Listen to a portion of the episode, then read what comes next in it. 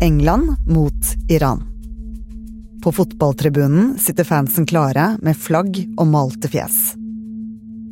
Men da tonene til den iranske nasjonalsangen strømmet ut av høyttalerne, var det ikke en lyd å høre fra landslagsspillerne. Med armene rundt hverandres skuldre og med lukket munn nektet de å synge en tone. Dette har blitt tolket som en del av protestene mot Irans strenge regime. Og de synes ikke bare på fotball-VM i Qatar. Folk over hele Iran og i hele verden demonstrerer for regimeendring.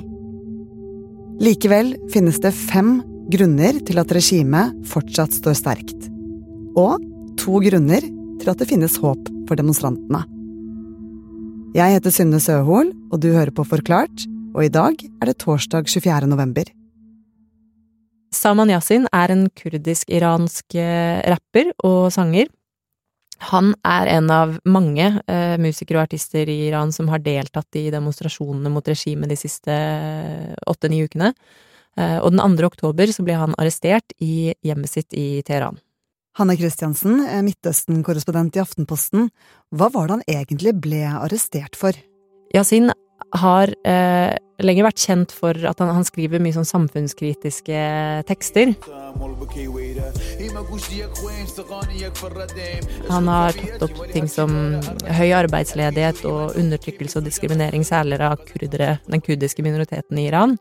Um, men det at han har ut liksom vist støtte til demonstrasjonene og selv deltatt i protestene, eh, ble utslagsgivende for at han ble arrestert, som sagt, og så tiltalt for, og senere dømt for eh, det som kalles mohareb, som er eh, direkte oversatt noe sånt som å føre krig mot Gud på jorden. Og dette skjedde under en rettssak som var ganske tvilsom, kan man si. Den ble direktesendt på statlig TV i Iran, og han blir, han blir, anklaget for å konspirere eh, for å true eh, Irans nasjonale sikkerhet. Og Mohareb, eh, som du snakket om, hva er straffen for det?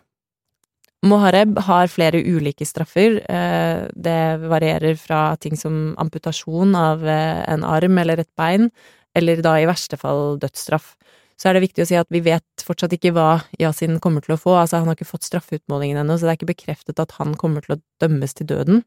Men det at regimet nå bruker det som et våpen, altså at de truer med dødsstraff til demonstranter som har deltatt i protestene og blitt arrestert, eh, det skaper veldig mye frykt for at de kan komme til å eh, straffe flere med døden. Hittil er det seks personer som har fått dødsstraff, eh, men det er kanskje så mye som 15 000 mennesker som er blitt arrestert.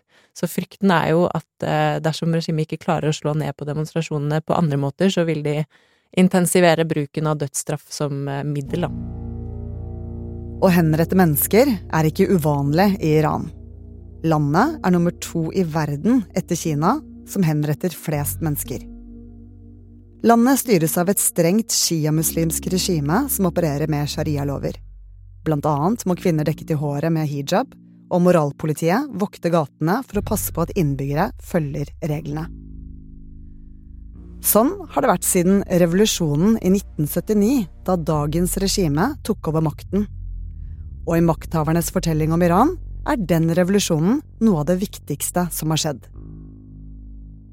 Og lederne ser på demonstrasjonene som nå skjer, som en trussel mot revolusjonen fra 1979.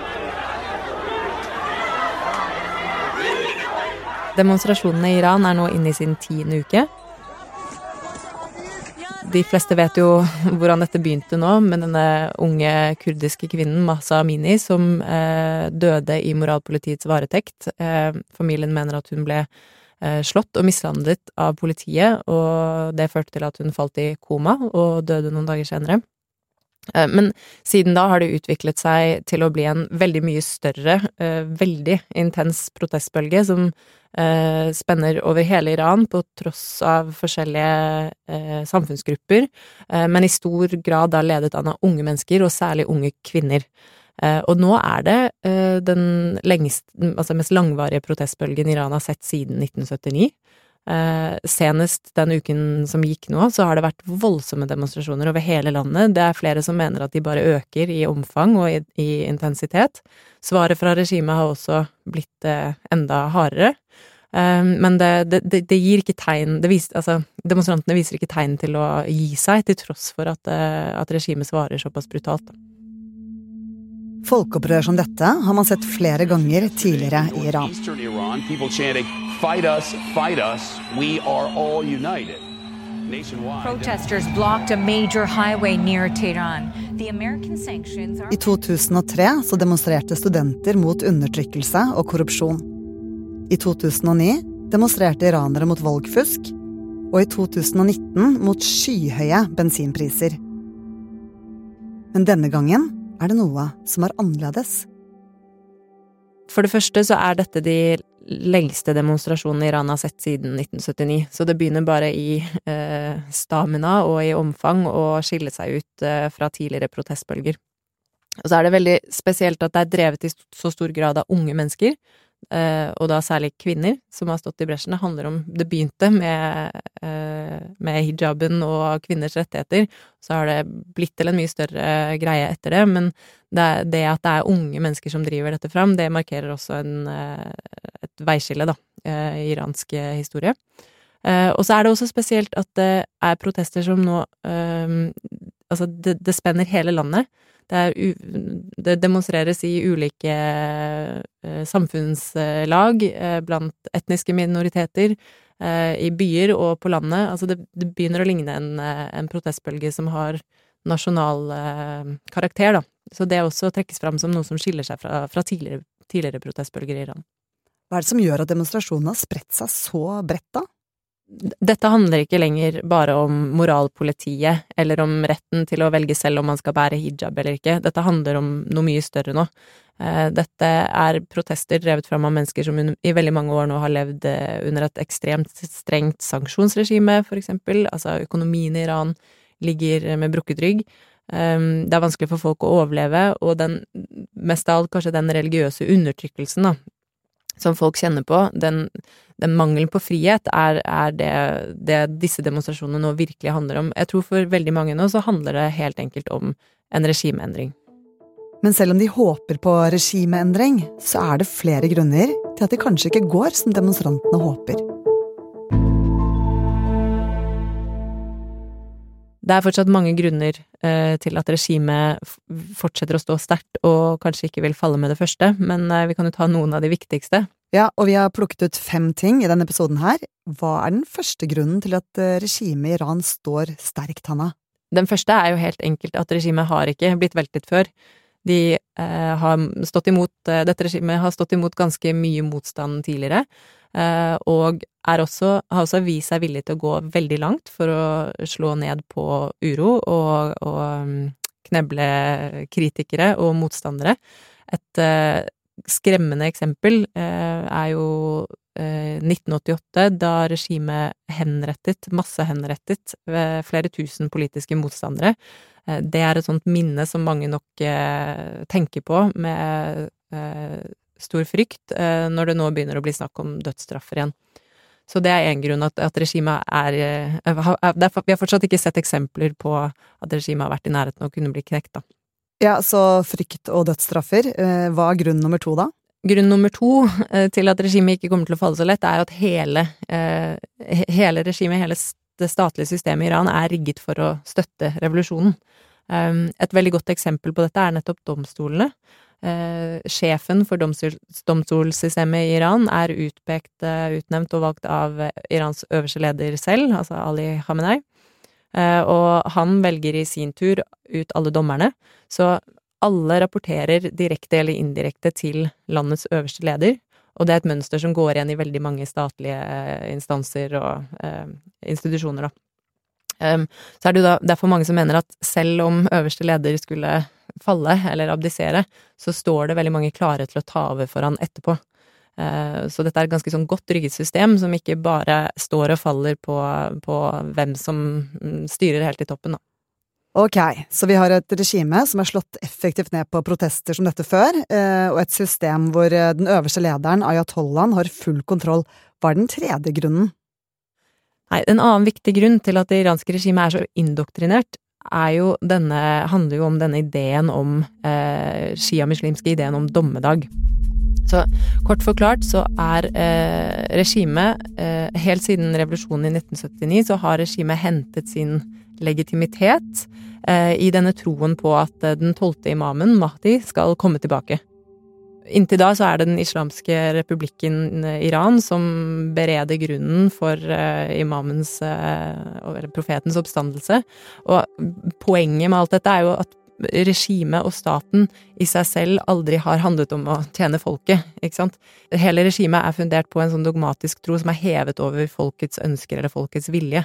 Uh, og, det gjør at uh, ideen om revolusjonen og revolusjonens verdier står veldig sterkt og er veldig sånn bygget inn da i hele, hele systemet. Og ett eksempel på det er grunn nummer fire revolusjonsgarden.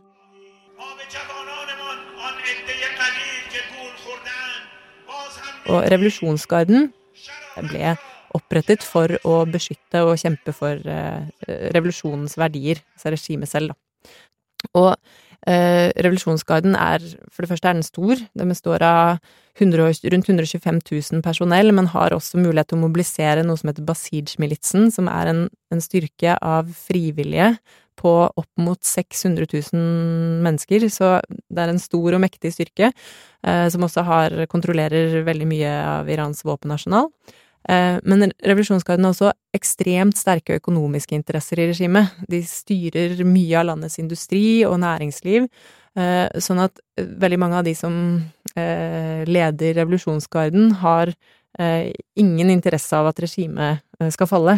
Eh, og dermed er det vanskelig å se for seg at man vil se en situasjon der revolusjonsgarden begynner å bytte side og slutte seg til eh, Eller til demonstrasjonene. Eh, og det må til før man virkelig kan begynne å kalle dette en, en revolusjon, da. Så Iran er styrt etter en slags dommedagsprofeti som gir staten mer makt? De har en ayatollah som har god kontroll, som bruker dødsstraff og som har en egen hær som beskytter stillingen hans. I tillegg trekker noen frem en femte grunn til at regimet er ganske stabilt. Ja, så er det jo veldig mange som også ville sagt at dette regimet er så eh, konsolidert i toppen. Det er en så solid politisk ledelse at eh, man vil ikke se den der politiske fragmenteringen som skal til for at eh, folkets opprør virkelig skal få fotfeste, da. Særlig de siste årene så har landets øverste leder på en måte strammet grepet enda mer om den makten, ved blant annet å utpeke presidenten som sitter i dag, Ebrahim Raisi. Han er en veldig konservativ såkalt hardliner. Så man kan absolutt si at den politiske ledelsen i Iran er veldig stabil og veldig solid. Men man har faktisk sett tegn til en viss uenighet også i toppen eh, etter at disse demonstrasjonene begynte. Det, det dreier seg om uh, uenighet rundt liksom hvor hardt man skal slå ned på demonstrasjonene blant uh, parlamentarikere og uh, toppsjefer da, i, i regimet. Så det er ikke umulig å se for seg at den at, enig, at det kan slå sprekker da, også i toppen, men, men det er fortsatt et godt stykke unna det der vi er i dag. Men det kan jo likevel bety at det kan være starten på at regimet faller en gang i fremtiden. Er det noen andre svakheter vi ser, i tillegg til det? Altså Det som må kunne kalles en akilleshæl for Iran, det er jo økonomien. Eh, som sagt så har Iran lenge lidd under strenge sanksjoner fra Vesten. Økonomien ligger brakk. Det, det, er skyhøy inflasjon, valutaen er eh, verdt veldig mye mindre enn den var for noen år siden, og veldig mange iranere sliter med å Eh, få endene til å møtes. Iran har også da bygget seg en økonomi som er veldig isolert fra resten av verden, så veldig mange av varene som iranere kjøper og trenger, produseres i landet, og ikke minst så er uh, regimet veldig, veldig avhengig av uh, oljenæringen. Det gjør også regimet veldig sårbart for storstreik. Dersom man får en situasjon hvor oljenæringen for eksempel går ut i streik over lengre tid, så er det mange som mener at regimet kommer til å falle ganske fort. Eh, man har sett eksempler på protester, eh, eller på streiker, i flere ulike byer rundt om i Iran, eh, men det er fortsatt ikke langvarig nok eller store nok til å virkelig til at det virkelig har svidd økonomisk på regimet, men det er en sånn tydelig akilleshæl der regimet vil slite hvis enda flere slutter seg til demonstrasjonene. Så Hanne, alt i alt, Har du troen på et regimefall denne gangen? Er, jeg tenker at det er verdt å merke seg at denne protestbølgen eh, ikke avtar i styrke. Eh, tvert imot ser ut til å vokse, til tross for trøst, eh, trusler om dødsstraff og voldsom eh, voldsbruk fra regimet og sikkerhetsstyrkenes side. Det gjør jo at det er spennende å tenke på hva som skal til for at regimet faller, og jeg syns vel personlig det ser mer sannsynlig ut nå enn det gjorde for noen uker siden, at dette kan skje. Eh, spørsmålet er kanskje ikke så mye om det kommer en endring på et eller annet tidspunkt, eh, men når. Eh, for det er jo unge mennesker som driver, eh, driver, disse demonstrasjonene, og den misnøyen og de underliggende årsakene til at folk er så misfornøyd, det kommer ikke til å gå bort selv om myndighetene kanskje klarer å slå ned akkurat denne protestbølgen. Så jeg tenker nok ikke at det blir noe regimefall i Iran før jul, men før eller siden så kommer det nok til å måtte skje en endring, fordi disse protestene kommer oftere og oftere.